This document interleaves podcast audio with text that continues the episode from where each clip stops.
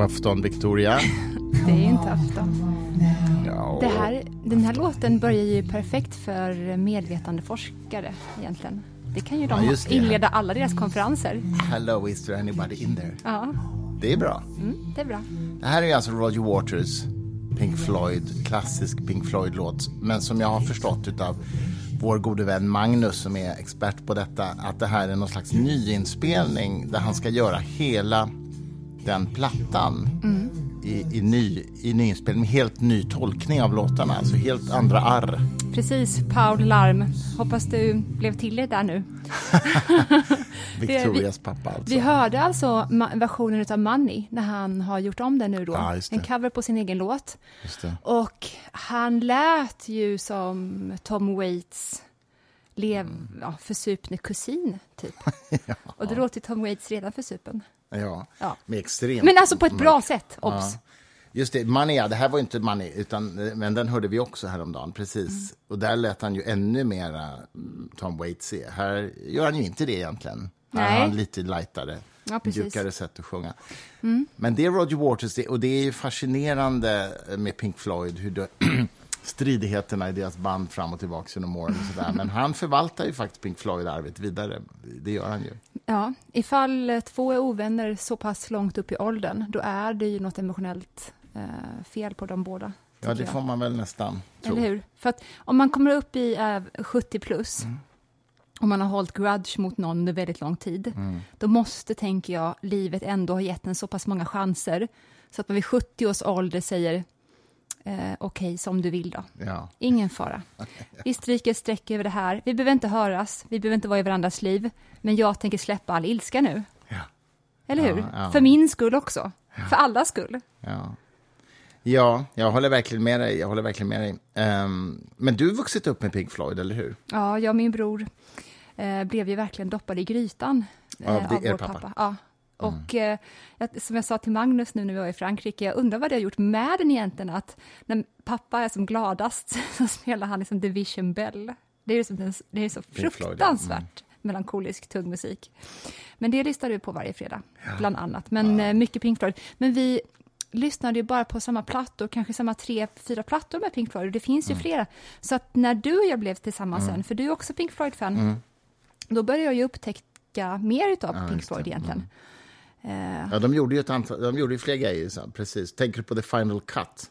exakt! Ja, ja, ja, som du verkligen upptäckte och som ett fynd. Ja, visst, vilken platta. Hela, hela skivan. Och det är ju, det är ju mest Roger Waters-låtar faktiskt. Ja. Jag har ju inte heller förstått att väldigt mycket av det som jag tycker om i Pink Floyd är ju faktiskt till min egen... Eh, oh, mm, ja, jag blev inte överlycklig när det var att jag insåg att det är Roger Waters musik jag gillar så pass mycket, eftersom jag tycker att han verkar vara så outhärdlig människa. Så där fick jag smaka på min egen medicin att person och verk måste jag själv lära mig separera ibland. Men David Gilmores sångröst tycker jag om. Den är Ja. väldigt soft och fin och sjunger ju riktigt bra. Mycket alltså. bättre än Waters, ja. Det finns två roliga anekdoter om Gilmore som jag kan berätta. Det ena är att det var han som upptäckte Kate Bush, om jag inte är felunderrättad. Han såg he- hennes extrema begåvning när hon var typ 14 år och lyckades fixa, fixa skivkontrakt till henne och där skivbolaget betalade ut en liten månadspeng till henne tills hon blev myndig, där hon inte fick göra någonting offentligt. För de menar, hon är för ung för det. Det var andra tider då. Ja. Hon måste få liksom mogna till och bli vuxen och utveckla sin musik. Liksom. Så hon fick betalt för att göra det i flera år. Så vitt jag vet. Jag kan inte gå i god för att det här är sant, men det är vad jag har fångat upp i alla fall. Ja. Och det andra är ju att min stora musikaliska eh, förebild David Bowie, han, jag tycker han är en av världens bästa sångare i sin genre. Men det finns en inspelning där han sjunger riktigt illa. Och det är när han uppträder live tillsammans med David Gilmore och sjunger just Comfort, Comfortably Numb, tror jag. De gör en liveversion av det. Och man bara känner att Bowie kan inte den här låten. Det är liksom inte hans materia. Och det, det är så konstigt. För mig känns det jättekonstigt att se att han faktiskt inte sjunger så bra. skäms du då lite? Ja, men lite sekundärskam får jag. Ja.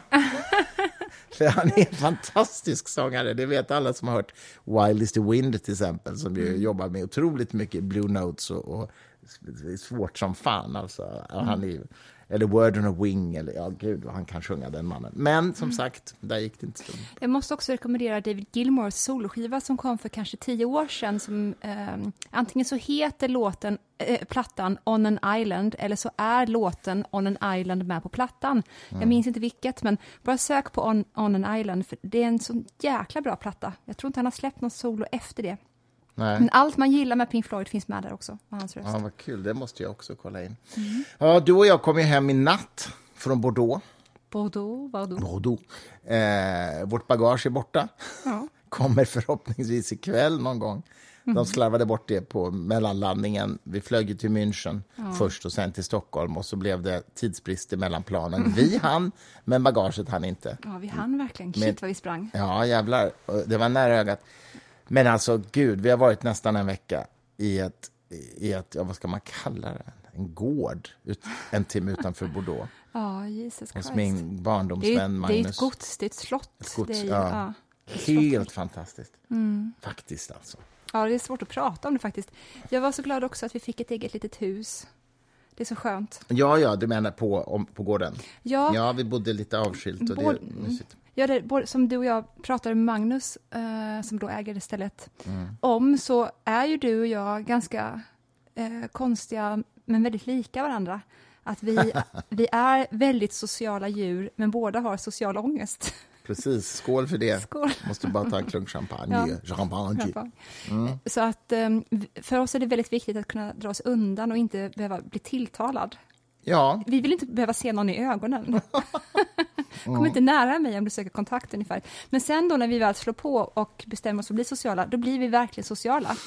precis. Och det som var lite kul med den här vistelsen, det är ju min gode vän då, som har köpt det här. Och eh, under fem veckor så är han där nu och bjuder ner vänner. Så det var ju ett gäng människor från hela världen. Hur många var vi? 17-18 personer tror jag. Ja. Från olika delar av världen och eh, olika delar av hans liv. Och så, och så liksom åt man middag tillsammans varje kväll och, och, och hängde. Och det är ju, det, jag tänkte på det när jag åkte hem. Det är otroligt sällan som man nu i vuxen ålder umgås intensivt med människor man aldrig har träffat förut i, liksom, i flera dagar. Jag gjorde det som om jag någonsin har gjort det. Nej, men alltså, men alltså, det var ju så häftigt. Vi, vi ska inte gå in på detaljer, men menar, den här 80-åriga mannen från England liksom, som hade en fantastisk livshistoria, Ja. till exempel. Bara för Ja. att ta ett exempel. Ja. Eller, eller Helen som jobbar med Eddie Izzard som hans personliga assistent. Ja. Och alla hennes berättelser av deras världsturnéer tillsammans. Och det är deras också liv otroligt roligt. Ja. Hon och Eddie har ju varit parhästar sedan 25 år nästan. Ja, faktiskt. precis. Så att hon klev ju på det här Eddie Izzard-tåget innan han eh, blev jättevärldsberömd. Ja. Och sen så har hon då bara levlat upp till att bli liksom hans ja, men högra ja, executive Arm, assistant, eh, typ. i livet. Det Mm. var jättespännande att höra om det. Ja, det var verkligen det. Och jag, jag har ju en speciell relation till Eddie Izzard i den meningen att han är ju också ambassadör för sekulär humanism, eller sekulär, den internationella humaniströrelsen, och har ju liksom profilerat sig väldigt starkt på det. Eh, och det är ju kul, eftersom jag har varit så aktiv i den rörelsen också. Men jag har aldrig sett honom live. Nu ska vi förhoppningsvis göra det. Ja, vi ska ju göra, Vi ska det. göra det. I november så ska vi få se honom och ska vi få hänga med honom sen. Precis. För då blev vi faktiskt inbjudna till hans konsert, höll jag på att säga, men det kan vi inte kalla det. Hans Show. föreställning. Och han ska ju sluta sen. Ja, och satsa på politiken. Och skådespeleriet.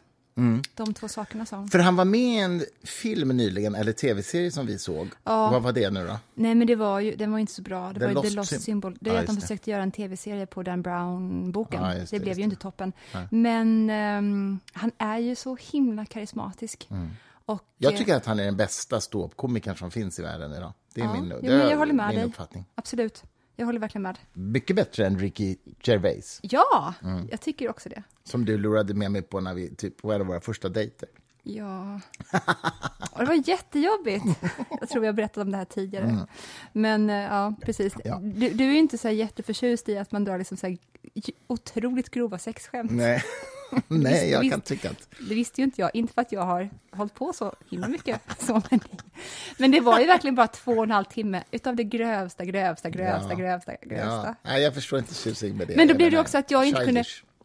Jag kunde inte sluta skratta av nervositet, för att jag blev ju då så psykad av att du inte skrattade, Ja, jo, vilket förstår. gjorde att jag kände att jag får inte skratta, vilket gjorde då att jag inte kunde sluta skratta. Så jag var bara det här psykot som du precis blivit ihop med, som sitter och, sitter och Ja, ja jag vet, jag vet. Du blev jättefnittrig av, av den Situation- stressen. av situationen, ja. Jo, jag minns, jag minns det så väl. Det var väldigt roligt. nej, men, nej, men när det gäller Ed Izzard så jag gillar han, han skämtar ju liksom om filosofi och han, alltså han, är, han har ju en väldigt intellektuell humor helt enkelt. Ja, det- är, och så gestaltar han ju karaktärer hela tiden också. Ah, jag tycker han är så jävla bra. Mm. det är så kul det ska han bli så kul att se live faktiskt. Ja, verkligen. När han drar det här om eh, the founding fathers utav USA och Plymouthbröderna då, de som åker den här religiösa sekten. Eh, s- för de var ju en av the founding fathers i eh, USA. Alltså Plymouthbröderna är, okej. ju en, sån här, är ju en förlängning utav de religiösa som kom till USA, om, om inte jag förstått helt fel. Ja, det är möjligt. Alltså, Plymouthbröderna kommer ju från brittiska Plymouth. Ja, Ja, men jag vet vad du tänker på. Ja, berätta. Ja, ja. Och från brittiska Plymouth, då de här, de var ju väldigt religiösa, Ja. och ofta fördrivna utav sina länder som alla vet, det var därför de åkte till USA för att få ett Ja, bättre liv. Ja. Så då när liksom Plymouth-folket åker från engelska Plymouth, då landstiger de i Plymouth i USA. Och Eddie bara, oh, how lucky were they? Wait, vi kom från Plymouth, we're in Plymouth. Vänta, har vi bara åkt runt, runt, runt liksom? Och att det inte fanns Ja, några, gör- ja. några andra människor där. Han gör ett väldigt roligt Det är så av det roligt minspel också. The Plymouth Bro- Brothers, the Brethren, delades ju upp tror jag på 1800-talet i två grenar. Mhm. Den, det fanns det exclusive, the exclusive Plymouth Brethren tror jag var, som var den mest fundamentalistiska delen. Och det är ju de som finns i Sverige. Ja, I ja, ja. Hyltebruk heter det Ja, va, i Småland. Småland. Och eh, Gustavsberg, nej inte Gustavsberg, i Åkersberga tror jag det finns också. Mm. Och, och i Göteborg möjligen, det finns några hundra i Sverige. De är ju det extremaste av det extrema. Men så finns det lite mer öppen eh, gren också. Mm. Men jag undrar, men jag, jag, jag, jag tror inte någon av de här fyra founding fathers tillhörde Plymouthbröderna, det tror jag inte. För de var ju ganska, Nej. nej, Jag tror inte de kallade sig för Plymouthbröderna då ens. Men, jag, men däremot så tror jag kanske inte. Men däremot så tror jag att de som gav sig av från Plymouth i England Mm. och så sen råkade landstiga i USA, de, var, de gav sig av på grund av att de var djupt religiösa, att de inte kunde fortsätta vara det. Mm. Ja, så var det ju för nya. många, ja. Mm. Och det blev sen då grogrunden för Så det som det sen blev Plymouth. Ja, så kan det vara. Evangelikala galningar helt enkelt. Evangelikala galningar. Ja, men eller förlåt, är det inte, eller, är det en, var det en Jag hemlighet? hoppas vi att inte våra vänner i den evangelikala världen lyssnar på oss. Nej, ehm, okej, fast är, kan, oj, Ja, förlåt, men det är det inte grader. galet? Eller nej? Ja, alltså, och, och, Nej men snälla, Ja, ja, nu, nu att- känner jag mig som att jag är helt ensam här. Snälla någon, det är väl galenskap? Vi, vi, Det är klart, om man jorden, jorden är inte 6000 år gammal. Christer Sturmark. nej, det, det, det, det är korrekt. Den är faktiskt inte det. Det är korrekt. Det är och att korrekt. fortsätta tro det är galenskap. Ja. Ja, och många evangelikala tror det. Kanske inte alla, men många. Nej, nej, precis. Och Men visst, det blir ju problem för dem med dinosaurier och sådana saker. Och, Ja, det blir jättejobbigt. ja. Speciellt på Noaks ark, man ska få ombord två av Ja, varje brontosaurusar. Ja, exakt. Eller Tyrannosaurus rex. Hur ska man liksom hålla ordning på dem? För Ge, överfarten. ge det inte på Noak, jag fan älskar honom. Han är en av mina mentorer i livet. Men han kanske skippade. Det kanske är därför de utdödade. De fick inte plats på Noaks ark. Det är väl en jättebra förklaring. Det kanske är därför jag. Jag blir också lite orolig här, liksom, att han ska ta med sig alla de som ska räcka till att befolka jorden, för det var väl bara hans familj som han tog med. Och det blir ju superincest. Alltså, det blir ju helt fel. Du vet att i USA finns ett crea- Creation Museum va, som är finansierat med miljoner dollar.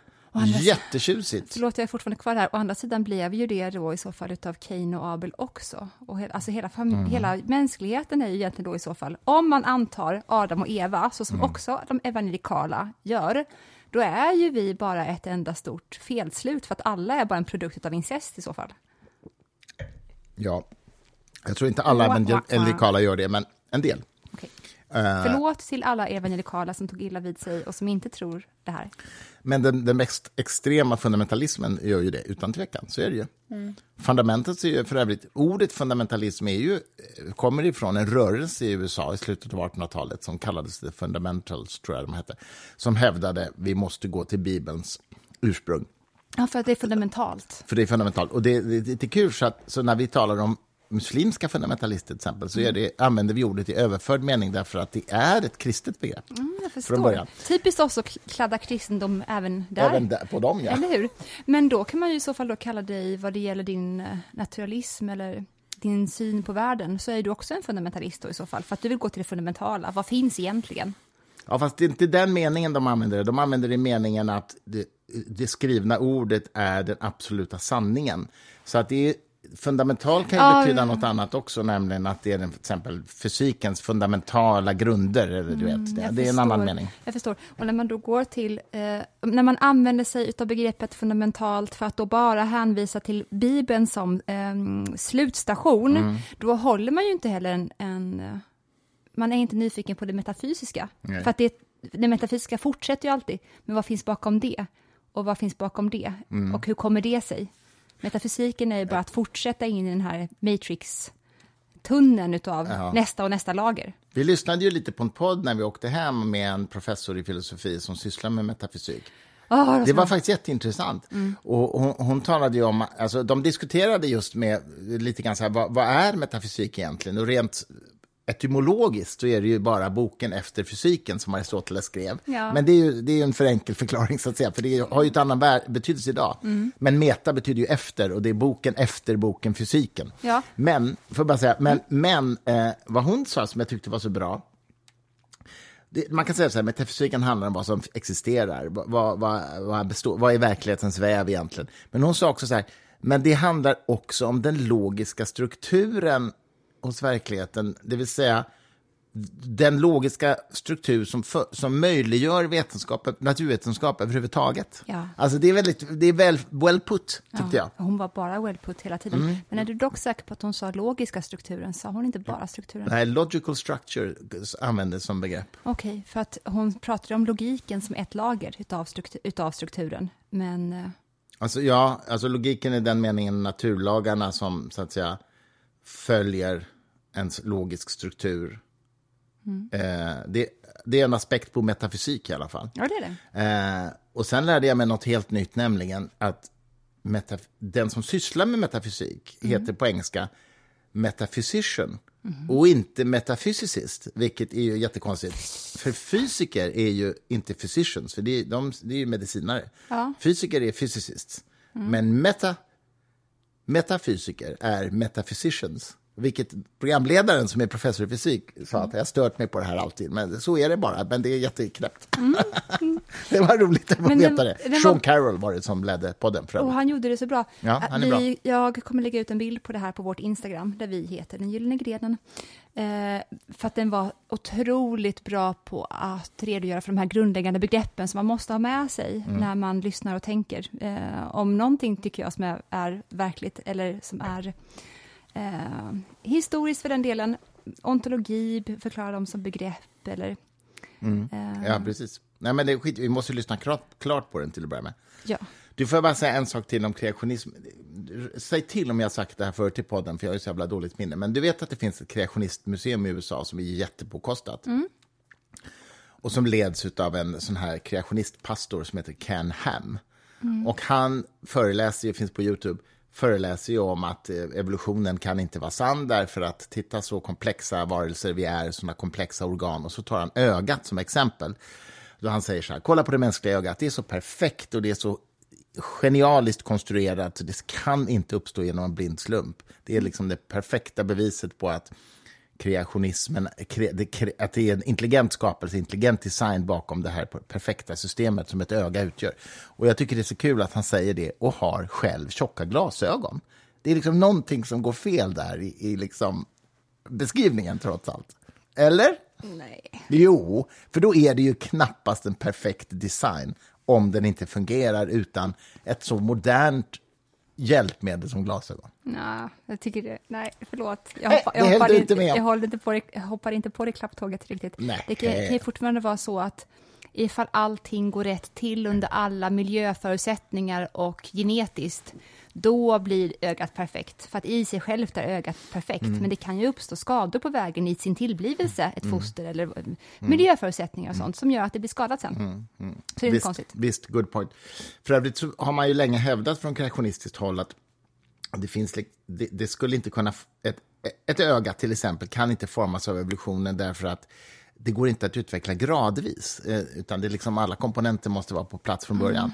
Och det där är rätt intressant, för det finns forskare i Lund som har gjort en datorsimulering där man liksom har simulerat hur ett öga skulle kunna evolvera ifrån ljuskänsliga celler. Eh, Och där man då har kunnat se då ett, antal miljoner generationer eller något sånt där. Men att det faktiskt inte förutsätter att varje komponent skapas samtidigt, utan att det faktiskt kan gradvis växa fram till ett öga.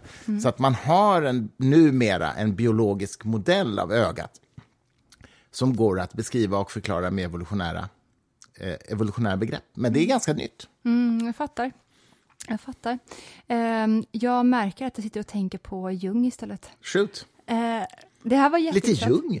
Men varför inte? Ja, nej, varför inte? Vi började ju prata lite grann, för, eller vi hoppade in lite grann i det här med vad som skilde Jung och Freud åt från varandra. Och eh, det som då var roten kan man säga till att de separerade från varandra, det var ju att eh, Jung vägrade att gå med på att libido-begreppet enbart skulle innefatta sexualdriften.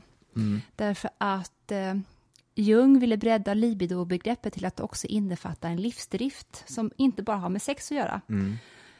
Vilket ju du och jag verkligen håller med i. Du har väl livslust tatuerad på din rygg till och med, som något Ja, ett litet sånt tecken. tecken, ja. eller hur? Mm. Och eh, jag kom att tänka på det här nu för att jag har snöat in på att lyssna på många av dem som jobbade med Jung eh, under 30-talet och gick i analys hos honom. Eh, det finns intervjuer som har spelats in med dem under 80 och 70-talet som ligger ute på Youtube och jag kommer lägga ut det här på vårt Instagram också.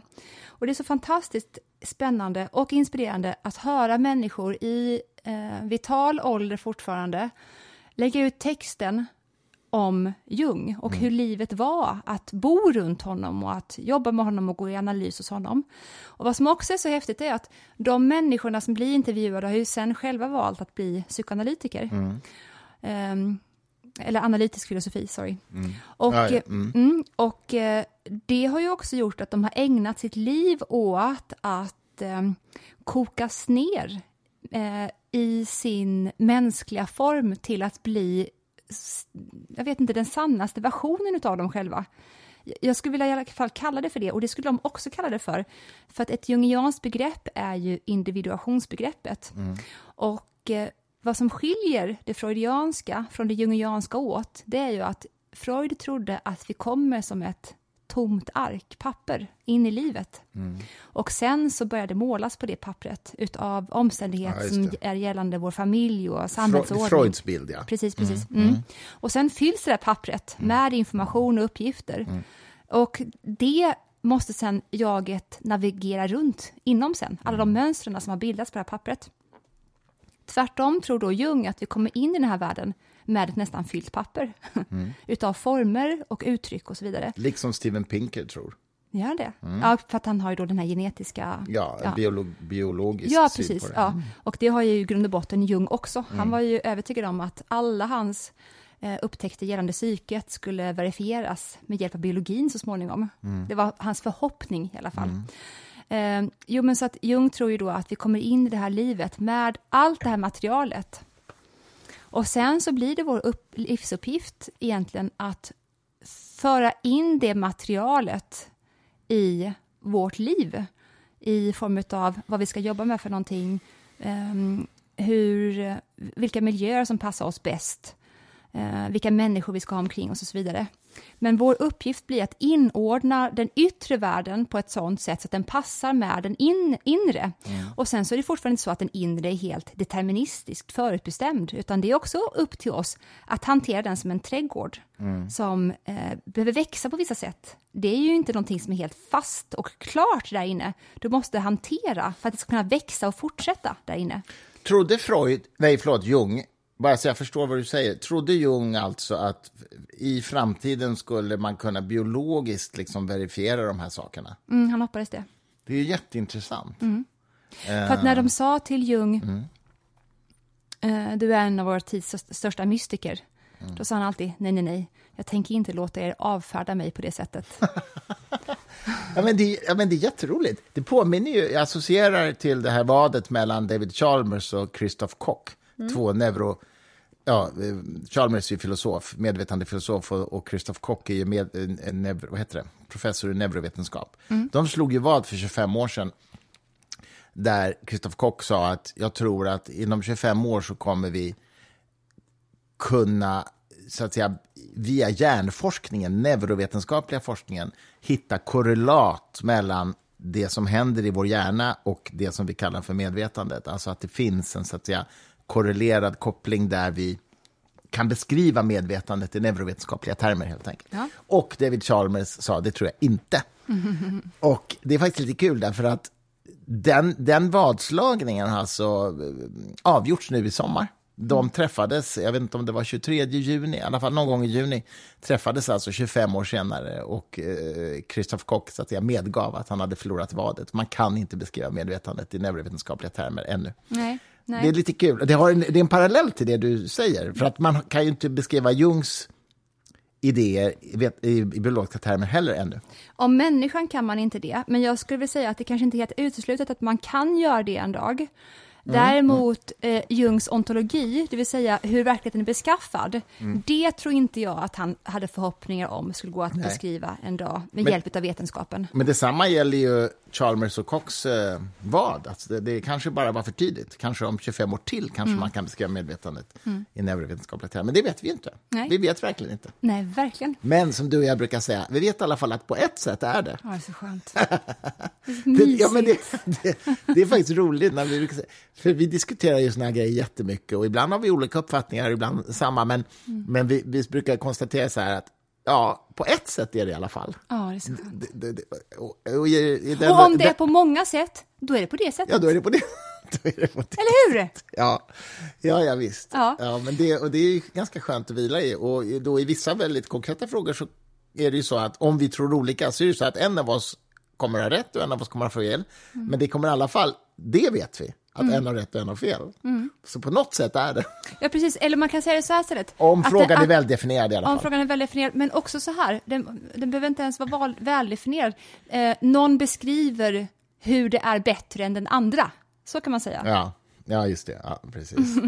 Men bara som slutfört då om det här med de gamla människorna på 70-talet som arbetade med Jung och var unga på 30-talet. Eh, en av dem som heter Josef intervjuas och eh, han berättar då hur han var en neurotisk ung man när han kom till Jung och han var i 30-årsåldern. Han hade rest runt med sin fru Jane, som också sen blev analytiker, i Asien i tre, fyra år, dessutom med ett litet barn. Och eh, de bråkade hela tiden. Småbarnsföräldrar bråkade konstant. Josef var i första hand en...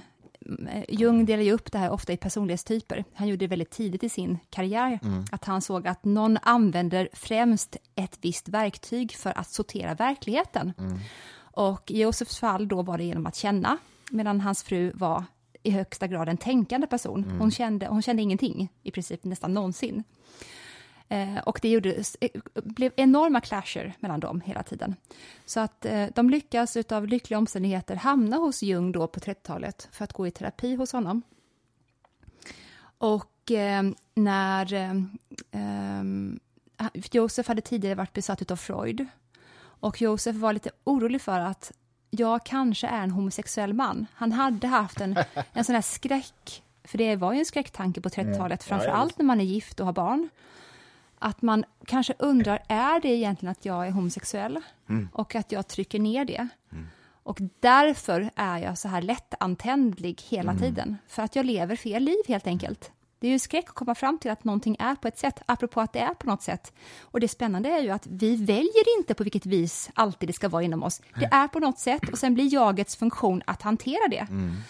Men i alla fall, vad som var Josefs räddning, det var att han hamnade hos Jung och inte hos Freud. Enligt honom själv i alla fall. Mm. Därför att hade han gått till Freud och sagt jag är orolig för att jag kanske i grund och botten är en homosexuell ung man, mm. då hade ju Freud bara kastat sig över honom med slutsatser om att ja, där har du det. Mm. Det är en förtryckt homosexualitet som ligger inom dig och det är liksom grundförklaringen till att ditt liv blev strukturellt fel. Och hade han, som jag sa, då, gått till Freud hade han fått den bekräftad, men Jung sa direkt när han kom att ja, jag antar, jag bara känner av, av, nu när du kommer in i rummet, att du kommer vilja prata om din mamma så himla mycket och kanske om din pappa så himla mycket och sen så kommer du vilja prata om och det här med sexuallivet, vad är det jag egentligen inte lever ut för någonting? Och då kan jag säga till dig redan nu, är det sånt du vill prata om, då kan du gå över till några rum bort här istället och prata med Tony Wolf, för att hon har en... Hon, hon, det det bästa myset hon vet om mammor och om pappor och om sex, runt, runt, runt. Men jag kan berätta för dig nu, jag orkar inte höra ett ord till om någons mamma. Sa han det? Ja, ja, visst. Jag orkar inte. Om du däremot är redo och modig nog att prata om dig själv, då finns jag här. och där blev ju han lite skaka, skakig för att Josef hade liksom alltid tänkt att eh, han hade ju knutit samman sin identifikation så pass mycket mm. med den eventuellt outlevda läggningen och med sina föräldrar. Så han hade liksom inte funderat på vad är jag mer än det. Alltså det känns ju så, det här det, det passar ju så mycket in, alltså nu kanske jag freebasar totalt här, men min association blir följande. Det känns som att det där attityden skulle vara så behövlig i vår samtid när människor har så mycket offerkoftor till höger och vänster och liksom tycker så här att ja, jag har blivit så här för att den och den gjorde det mot mig eller jag blev kränkt eller jag liksom det här jag det fick här. inte det här, Nej, jag behövde det här. Ja. ja. istället för, ja, e- eller tänker jag rätt? Håller du med om detta? Eh, jag, jag, överlag kan man säga att vi har eh, en enorm, ett privilegie som eh, depraverar oss. Och det är att vi har enormt mycket tid och mentalt utrymme mm. till att tänka på vad vi inte fick. Mm. Eh, och det skapar en identifikation, den snärjer oss runt, runt ett läk helt enkelt. Vad heter det på svenska? Ett läk? Läk, att man saknar någonting. Läk, läk. Äh, ja, avsaknad ja, av precis. något. Ja. Så att det är det som har det största fokuset i livet, istället ja. för jag fick inte det här, men vad är jag mer? Vad har jag istället? Vad kan jag göra utöver? Ja, med, mm. med de här grundförutsättningarna jag har nu, hur ska jag skjuta ifrån? Ja. Ja, men verkligen, alltså, så intressant. Och, och, och, skulle du säga att Freud, eller förlåt, Jung eh, bröt med Freud på grund av att han tyckte att det var för mycket fokus på sådana saker? Det, var det skälet? Nej. Nej. Eh, de, två skäl. Det ena var att de inte var överens om sexualteorin. Mm. Eh, det var ju grunden till allt som Freud tyckte och tänkte. Och det, och det höll ju inte Jung med om. Det andra var verkligen det att Freud var ateist och Jung var inte ateist. Nej. Sen skulle du säga eh, om man ska liksom hårddra vad Jung var för någonting, han var inte teist heller. Nej. Nej. Men han var inte ateist. Heller. okay, precis, right. precis, som, so. precis som jag. Ja. If you so, ja. um, ja, intressant. Mm. Men, Sen... det, men det, jag måste också säga, Jung var väldigt noga med att det finns en tid och plats för alltihopa. Eh, för att läka så behöver man ibland såklart under vissa mm. tider och skeenden i livet viga tid och uppmärksamhet åt det som har blivit illa gjort. Eh, och då måste du skaffa hjälp ibland till att mm. fixa det. Men enligt Jung så skulle första halvan av terapin tillägnas uppväxten och föräldrarna. Men sen var det dags att gå vidare. Mig veterligen i västerländsk terapi idag är det det som är terapin. Och lite grann om så här parförhållandet man lever i nu och kanske mm. lite om jobbet kanske. Men det, det viks sån enormt fokus åt barndom och föräldrar. Mm, mm. Det är inte klokt vad det gör. Och det tror jag verkligen är, har, väldigt förenklat, men det har att göra med att det här varit ett socialistiskt land så pass länge. Och har man levt under de villkoren som socialismen inpräntar i samhällsbygget, då finns det en freudiansk grundton som har att göra med att vi kommer in i världen som någonting tomt och sen så fixar kulturen mm. det största avtrycket på en. Och fixar man bara kulturen och samhällsordningen, då kommer människor bli det vi vill. Ja, det där är en jätteintressant analys faktiskt. Mm. Um, och just det, men skulle du säga då att Freud, freudianismen, eller vad man ska kalla det, det freudianska förhållningssättet har vunnit starkt gehör i, i starkt socialistiska länder. Ja, Frankrike till exempel också. Verkligen. Just det. Ja, för Freud är ju ännu större i Frankrike än resten ja, av världen. Ja, ja visst, precis. Och det ha- har en socialkonstruktivistisk Mm. eh, förklaringsmodell. Det är det som är socialism. Men i Sverige är ju inte Freud längre särskilt fashionable, får man ändå säga. Jag menar, hela psykiatrin har ju lämnat Freud för ganska många år sedan. Ja, och det ja, är KBT och sådär. Så Efter, man... Efterskalven rungar kvar, inte minst i RFSU till exempel, som ju Ja. verkligen är en produkt av en postmodern syn på vad människan är för någonting. Mm. Kan, och kanske ännu mer RFSL, ja, verkligen. kan man nog ja. eh, möjligen tänka sig i alla Ja. fall. Eh, sen har ju Jung också gett upphov till en del avarter, tycker jag i alla fall. Typ Meyer-Briggs personlighetstest, som ju eh, säger sig inspirerat av Jung. Varför är det en avart? Därför att det inte har någon eh, vetenskaplig validitet. Det funkar inte helt enkelt. Om du menar nu håller jag med dig. Men det var ju fortfarande på 40-50-talet. Då, det var ju typ, det var ett försök. Ja, ja, det var ett försök. Men Ja. idag finns det ju, så vitt jag vet, bara ett personlighetstest som har vetenskaplig evidens, och det är ju det här Big Five. Och var kommer det ifrån? Ja, det Myers-Briggs. jaha. Absolut. Oscare? Ja, Ja, det gör det. alltså gud, ja älskling.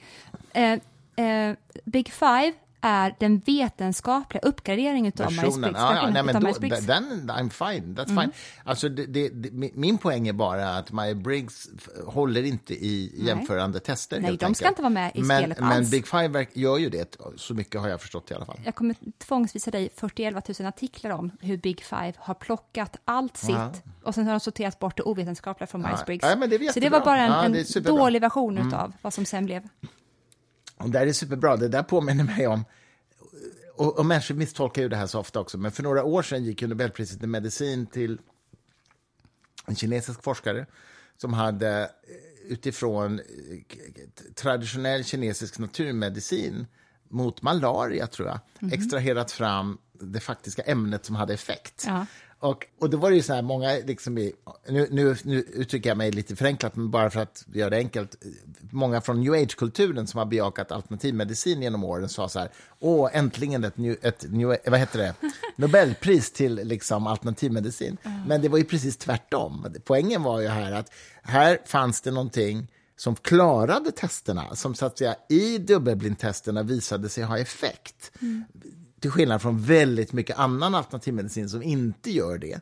Men den hade däremot vuxit fram ur en slags eh, traditionell historiskt användande av det här. Och dessutom, om jag inte är helt felunderrättad, så det här, det här medicinen, då, kinesiska naturmedicinen, innehöll också en massa skadliga saker i den traditionella medicineringen som man då kunde ta bort. Men man hittade den faktiska ingrediensen som hjälpte.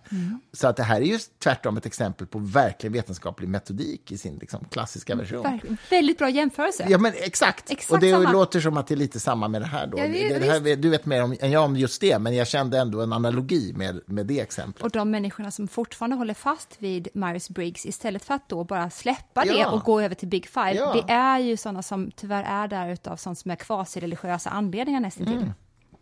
Precis.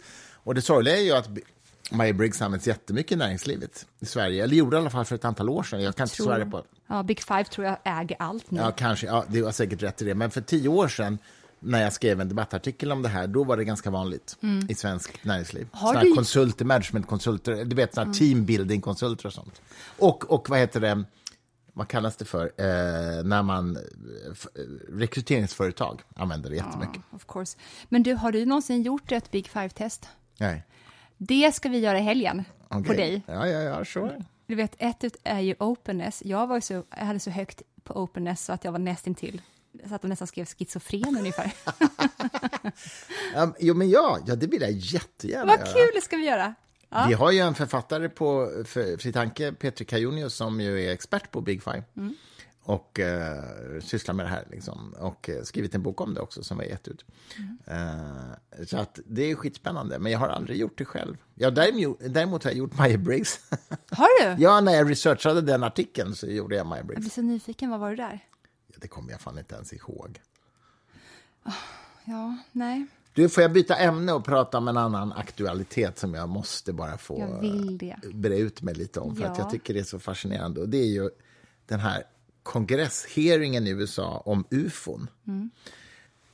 Det är ju helt enkelt en underrättelseofficer som heter David Grush, tror jag det uttalas, som alltså igår, vi spelar ju in det här på fredag eftermiddagen, igår vittnade under ed inför den amerikanska kongressen och han hade två visselblåsare med sig också, två stridspiloter, David Fravor och Ryan Graves. Mm.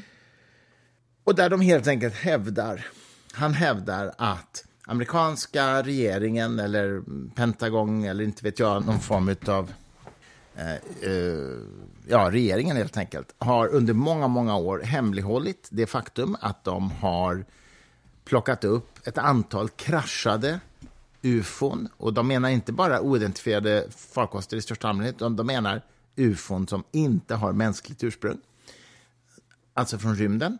Och att de i detta också, i de här kraschade ufona, har hittat vad jag tror han kallar för biological samples. Remains. Vad sa du? Remains. Remains. Alltså någon form av icke-mänsklig Eh, kvar, kvarlevor utav utomjordingar, helt enkelt. Och jag tycker det är så fascinerande, för att det här var alltså en, en kongresshearing som pågick i två timmar. Och eh, inget material visas upp, ingen, liksom ingen... Eh, han, han, säger att han har ett antal källor på det här. Och Jag förmodar att han också angett de här källorna och de anses vara respektabla och så vidare, men, men ingenting visas upp. Och den här, det här har liksom rapporterats i media. Och det som jag fascineras av så otroligt mycket, det är hur svenska media förhåller sig till det här, den här nyheten, så att säga. Därför att Studio 1 hade igår en lång intervju med eh, Claes Svahn, som är en DN-journalist, som dessutom är ordförande i UFO-Sverige, liksom UFO-föreningen i Sverige. Och där, där eh, man i princip tar det här på allvar i, i tio minuter och pratar med honom. Mm. Och idag skriver Rebecka Gärde och, eh, en artikel i, DN där hon säger vad är det egentligen som pågår över amerikanskt luftrum och berättar om det här och landar i slut... Eh, Bara den rubriken. Ja, och, och, och så här, vad hon beskriver då är att kongressen tar det här på allvar och det här ska utredas vidare och det har mörklagts under lång, lång tid. Men hon säger så här, ja, men vi vet ju inte, vi har inte sett någonting, vi vet ju inte om det här är liksom ett falsarium eller inte. Men hon slutar med att skriva så här, UFO-frågan har nått punkten där alla förklaringar kräver vidare utredning, inklusive det mest sannolika, kolon, att fenomenet, vad det nu är, faktiskt existerar. Och jag tycker det är så fascinerande. Även Studio 1 liksom behandlade det här som om, som om det liksom var en ganska alldaglig nyhet om någonting som har varit mörklagt ett tag men som nu kommer fram till ljuset. Och jag tycker så här, det är två saker. För det första, om det fanns någon anledning att tro att det här faktiskt är på riktigt, då är det ju den största nyheten liksom i, det, i, i civilisationens historia. Mm.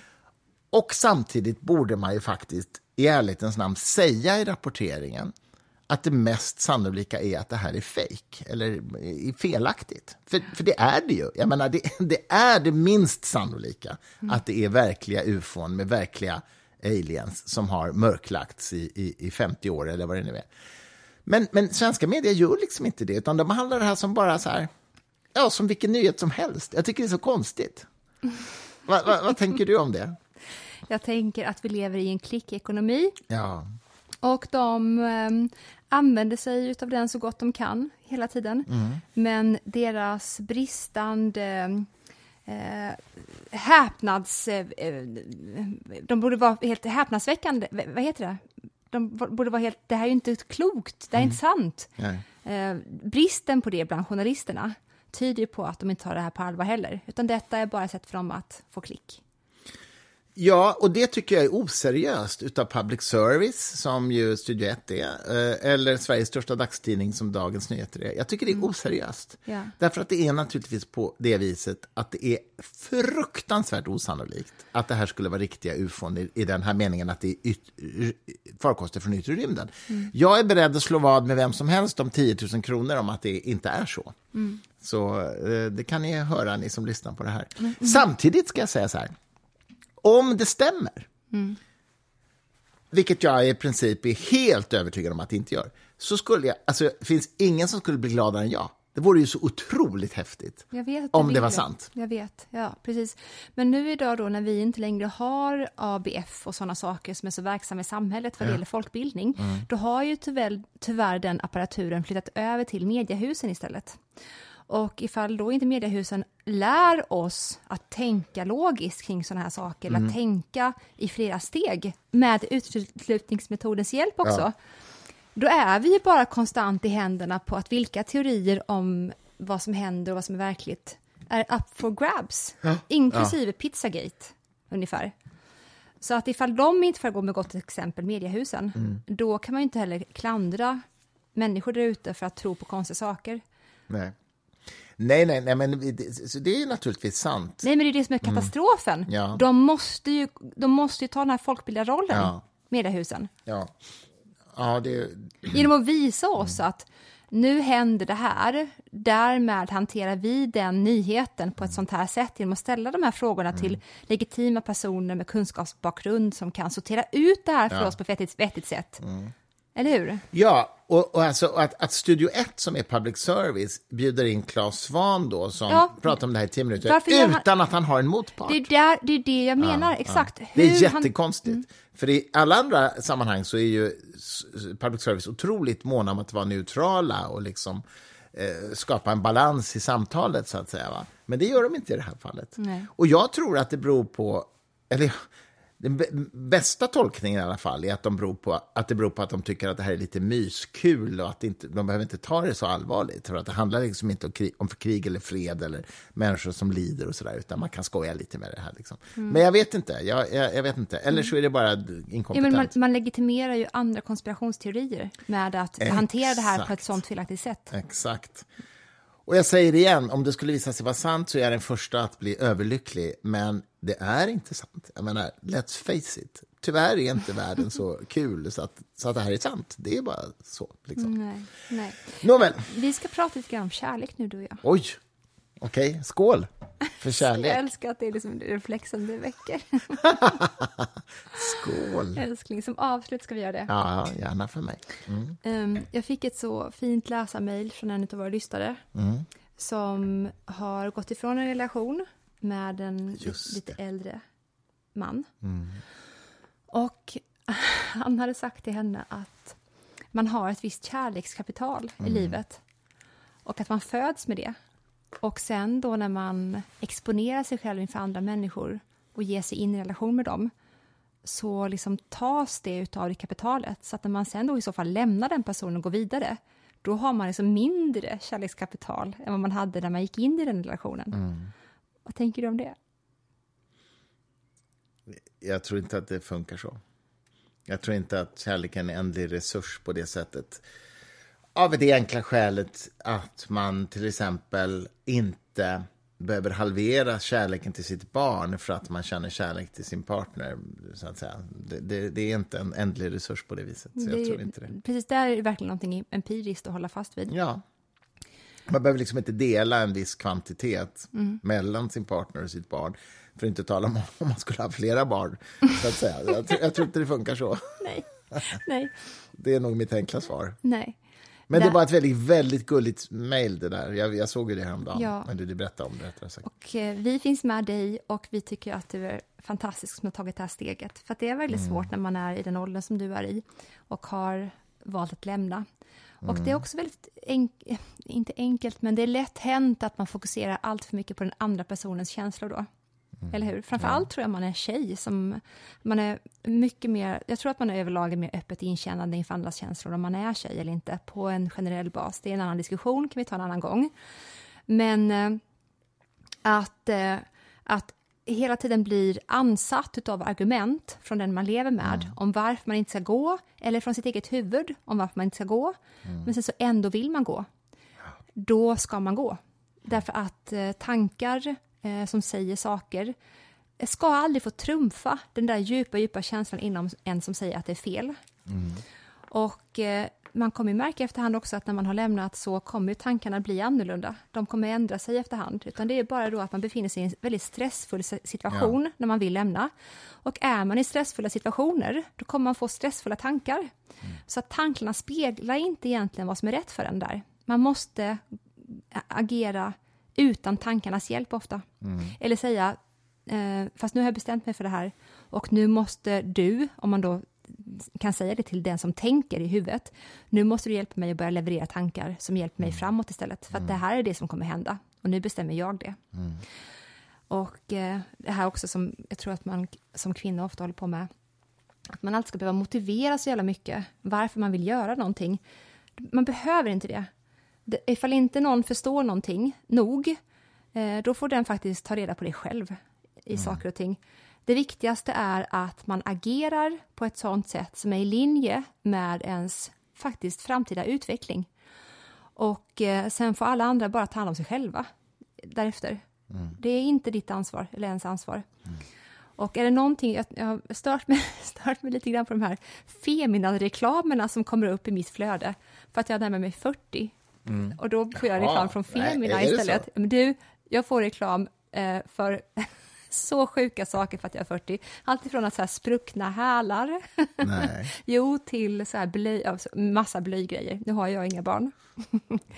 nej. Ehm, men i Femina har kört en drive just nu, har jag märkt. Det är, de har sagt, vad vill du ge för råd till ditt 20-åriga jag? Så jag stört mig på det. Men så har jag ändå börjat tänka på, vad vill jag ge för råd till mitt 20-åriga jag? Och det ena är ju, eh, sluta tänk så mycket på hur du ser ut. Eh, och det andra är ju, sluta tänk så mycket på din relation eller på din framtida relation. För det enda man ska, tycker jag, i första hand åtminstone tänka på när man är 20, det är hur ska jag få ut allt det som jag just nu, eller som jag förstår att jag har inom mig. Hur ska jag rikta all den här kraften och potentialet som jag har till någon karriär kanske, eh, till en livsresa. Allt det där med relationer ska liksom vara på kanske plats fem på den här listan. Det är inte det som ska vara ens huvudfokus, vilket också är väldigt lätt tror jag när man är tjej. Det var så vidrigt, förlåt, att vara 20 år gammal och umgås med tjejer för att allt de ville prata om var, ki- var sin kille konstant och sin relation. Sluta prata om era relationer. Vad ska ni göra i livet? Hur ska ni bygga ett liv omkring er för att åstadkomma det? Det är det enda fucking viktiga. Tänk inte på killar. Nej, Ja, alltså verkligen, Bra. släpp det. det är ditt råd. Det är mitt råd. Det, var väl, det var ett väldigt berörande läsarbrev, eller lyssnarbrev vi fick. Ja. Eller som du fick. Tack Det var verkligen Tack för att du lyssnar. Vi kramar dig just nu.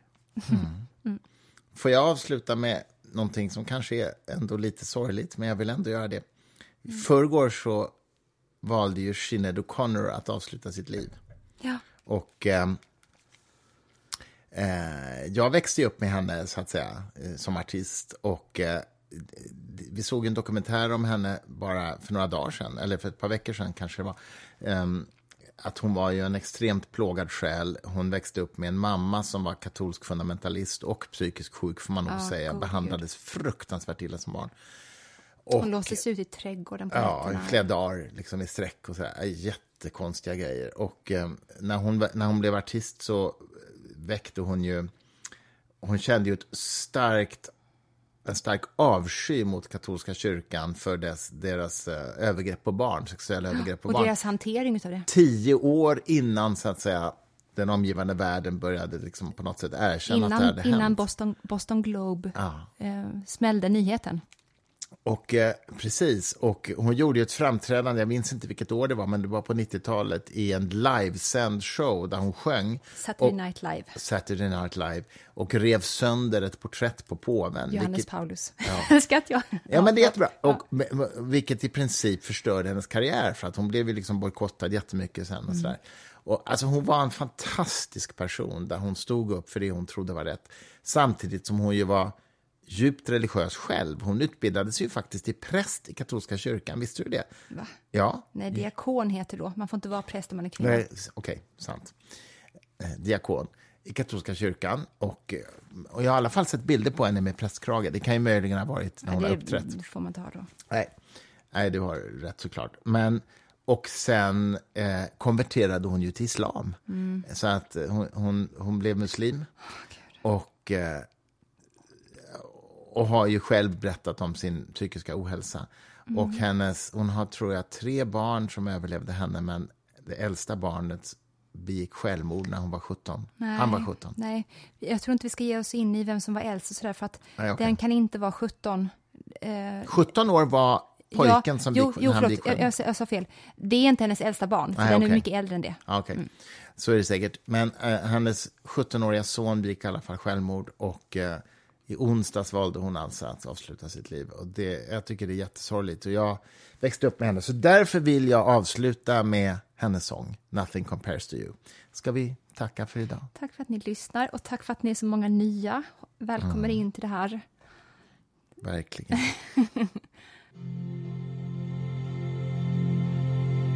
Ha en bra söndag. Ha en bra söndag.